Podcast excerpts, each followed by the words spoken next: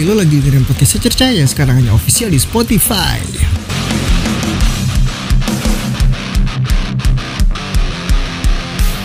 Kita bakal bahas hal-hal menarik di sini, so terus pantengin aja.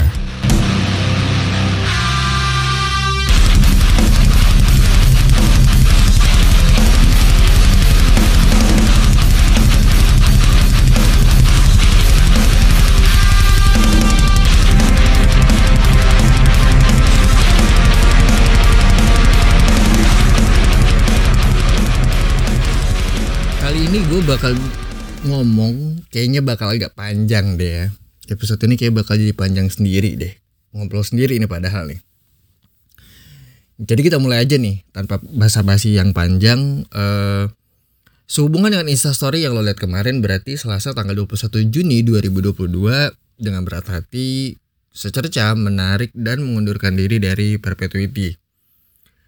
Perpetuity adalah bagian terbaik di secerca di masa sekarang karena Perpetuity mempertemukan gue dengan berbagai orang yang menarik yang mungkin kalau gue pribadi gue akan langsung ngobrol dengan orang-orang random.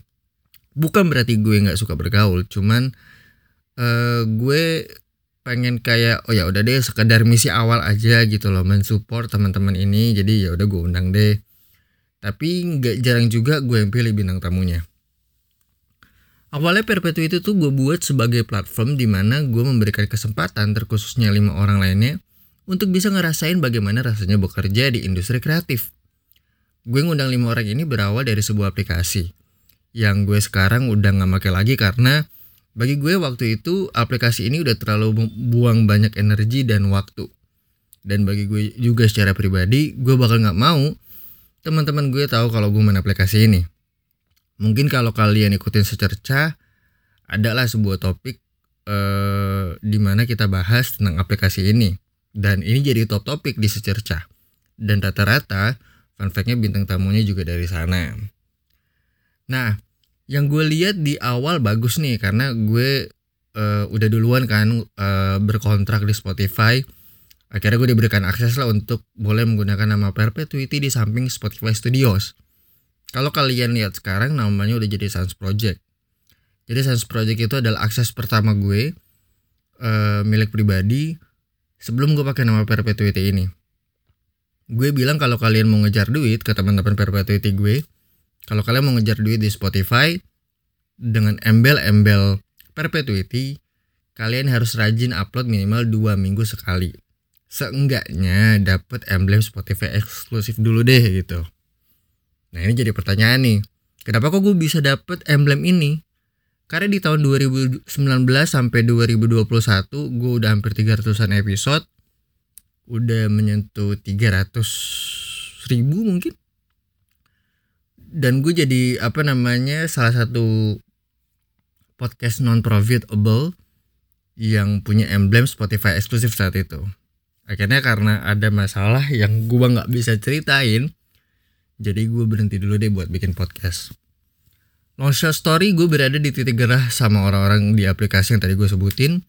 Gue ngeliat banyak banget miskonsepsi dari apa yang mereka sebut podcast. Gue udah bahas ini sampai dua kali jadi gue nggak mungkin kali uh, bahas ini untuk yang ketiga kalinya.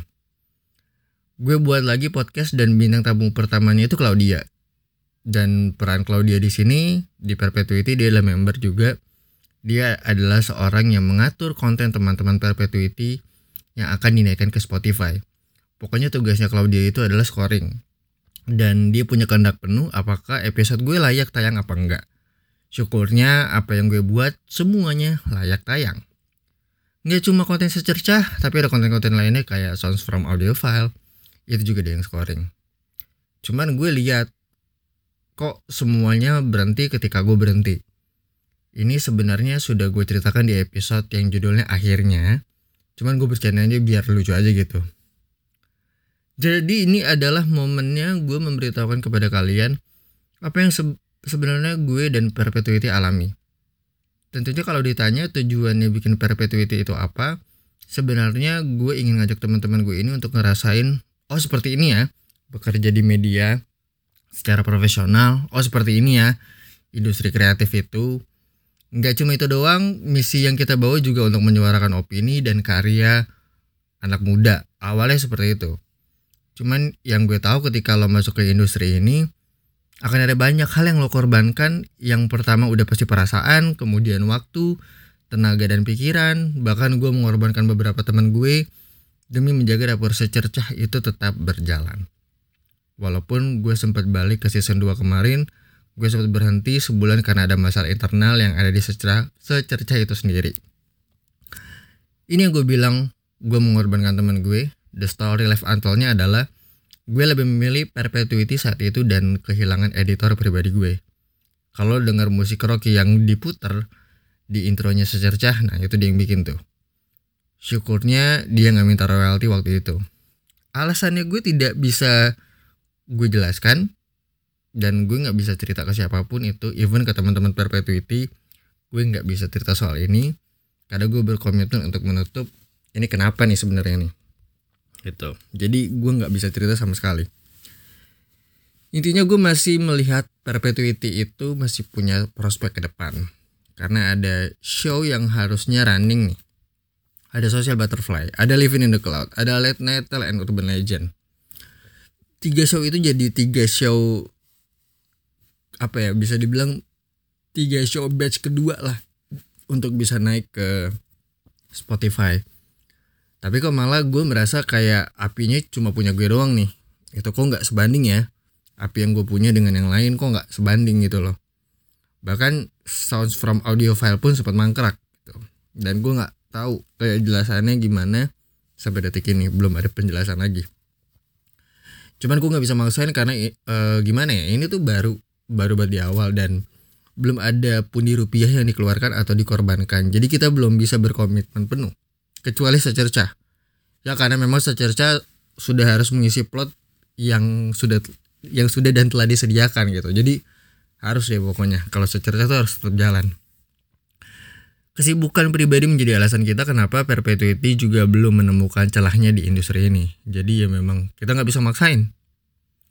Alasan lain juga kenapa gue secara pribadi mundur dari perpetuity adalah gue menjaga komitmen secerca untuk tetap pada track di mana kita menghargai perempuan. Ada hal yang akhirnya gue jadi agak gimana gitu dengan tim karena ada perlakuan perundungan, per, perundungan yang dilakukan oleh teman kami di perpetuity gue tetap berpegang pada prinsip benar atau tidak cerita yang dikeluarkan oleh teman kami yang lain. Setidak-tidaknya menurut gue kita nggak bisa merundung satu orang secara beramai-ramai. Jadi benar apa enggaknya perkataan seseorang, perundungan itu tidak dapat dibenarkan even dalam keadaan membela sekalipun. Bagi gue, ketika masalah personal masuk ke dalam satu project dan tidak bisa diselesaikan, bagi gue itu jadi poin penilaian gue. Kemudian dualisme yang gue lihat ketika ada kelompok di dalam kelompok sebenarnya kalau misalkan kayak begini ini juga nggak cuma di perpetuity sih tapi kayak di lingkungan lo pasti ada kelompok dalam kelompok. Tapi bagi gue ini menjadi penilaian gue juga karena kita coba berenam nih. Dan gue nggak bisa keep up secara profesional dengan uh, orang-orang seperti ini. Jadi momen ketika kita semua sedang diam dan dalam masa hiatus mungkin ya jadi kita ada uh, momen di mana kita nggak ngobrol sama sekali. Seperti yang gue bilang ya ya apinya cuma ada di gue doang nih. Semangatnya cuma ada di gue doang tapi teman-teman yang lain tuh tidak punya effort yang sama gitu loh. Gue uh, sorry itu sih kalau harus ngomong kayak gini kayak gue merasa bahwa gue seperti alpha di kelompok ini. Sorry banget kalau gue agak sedikit egosentris tapi uh, gue ngerasa bahwa kalau bukan gue duluan yang jalan ya semua semua orang nggak bakal bergerak.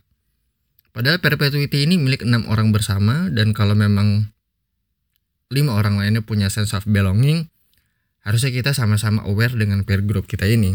Cuman kok bagi gue apinya beda aja gitu loh. Harus gue yang mulai. Gue nggak iri ya sama teman-teman gue uh, di perpetuity ketika mereka sedang menghabiskan waktu berjam-jam di aplikasi tersebut. Bagi gue itu bukan urusan gue, lu udah pada gede, tapi gue bisa menilai bahwa prioritas do nothing lo lebih, uh, eh, lebih gede daripada untuk maju bersama seharusnya ada dan tidaknya gue bersama secerca di sana tidak merubah apa pun kalau memang teman-teman punya sense of belonging. Sebagai gue gue nggak bisa involve dengan orang-orang yang mau projectnya doang tapi nggak mau untuk bergeraknya. Itu yang bikin gue agak sedikit kecewa terlepas dari kasus perundungan yang dilakukan oleh salah satu member perpetuity. Balik lagi soal keperundungan tadi nilai integritas kami di secerca kita menghargai perempuan uh, kita menghargai segala bentuk uh, apa ya tindakan perundungan apa pun itu yang dapat uh, mencelakakan baik mental maupun fisik berbentuk kekerasan verbal ataupun uh, perbuatan terhadap perempuan yang mengakibatkan orang ini bisa terluka atau drop atau mental breakdown. Ya pokoknya kita menjaga untuk tidak melakukan hal tersebut lah gitu loh. Ya gue akuin gue sebagai cowok uh, yang normal gue suka berfantasi at least gue tidak melakukan kekerasan baik verbal maupun tindakan aktual gitu. Apalagi sampai nyumpain orang uh, ketabrak truk mayatnya nggak dapat dikenali. Bagi gue itu udah enough sih untuk segala hal. Bagi gue itu udah sorry itu saya sorry gitu. Sekali lagi bahwa gue memegang prinsip gue bersama korban terlepas dari benar atau tidaknya korban mengalami kekerasan verbal tersebut. Tapi ketika dapat kabar tentang itu gue jujur gue sangat-sangat uh, sedih dan gue kecewa. Gue ingat ketika bikin episode 11 yang di mana gue ngomongin aplikasi yang tadi gue bahas gue uh, gue dengan perpetuity ini di penghujung episodenya ada sebuah klip yang yang gue selipkan di mana gue mengutuk uh, teman-teman laki-laki khususnya yang apa ya melakukan kekerasan terhadap perempuan uh, secara verbal. Nah, dan mungkin nanti akan gue puterin lagi sebagai reminder aja bahwa gue gue pernah bahas ini di salah satu episode gue dan gue mengutuk bentuk kekerasan tersebut. Mungkin ini bisa jadi pelajaran terutama untuk gue untuk menghargai pasangan gue, untuk tidak menyebarkan aib pasangan gue kepada teman-teman gue atau circle gue. Bahkan ini bisa jadi apa ya pelajaran buat gue untuk ketika nanti gue punya pacar suatu hari nanti gak perlu orang tahu pacar gue gitu cukup gue dan pasangan gue yang tahu gimana hubungan gue gitu loh. Dan ini bisa ini juga bisa jadi pelajaran buat teman-teman perempuan untuk woman support woman juga bukan malah membenarkan tindakan di luar kapasitas lo sebagai perempuan bahkan satu circle untuk bisa menjadi teman cerita sesama perempuan gitu mungkin itu aja klarifikasi dari pihak gue pribadi yang mungkin gue bukan orang baik tapi gue tahu secara normal bagaimana bersikap dengan bijak uh, Gue mohon maaf kepada semua teman-teman perpe Perpetuity apabila gue meninggalkan kalian dan konten gue dipegang penuh oleh Spotify. Gue sudah berusaha menyatukan kembali puzzle yang hilang, namun gagal jadi ya mungkin sampai sini aja. Syukurnya plot gue ditambah sama Spotify untuk bisa bikin segmen baru di hari Sabtu nanti. Um, sebelum gue tutup, gue cuma bilang dua hal. Yang pertama adalah ini pelajaran berharga banget uh, buat lo ke depan mungkin buat siapa pun itu yang dengerin ini uh, untuk bisa yang pertama menjaga komitmen yang lo bisa berkomunikasi dengan orang gitu loh ngobrol gimana cara lo berperilaku berprofesional bagi gue ketika lo ngomongin seseorang uh, yang pernah dekat dengan lo dan lo itu jadikan konsumsi publik uh, bagi gue itu tidak profesional. Bagi gue pribadi. Siapa pun itu orangnya di luar sana. Dan bagi kalian siapa pun yang akhirnya merundung orang ini uh, korban tersebut gue juga tidak dapat membenarkan. Apalagi tidak ada permintaan maaf yang dikeluarkan. Itu yang pertama. Yang kedua adalah um, ya gue akan reminder kalian lagi bahwa gue mengutuk tindakan kekerasan yang dilakukan oleh siapa pun. Tapi karena ini uh, VN cowok jadi ya udah cowok aja gitu.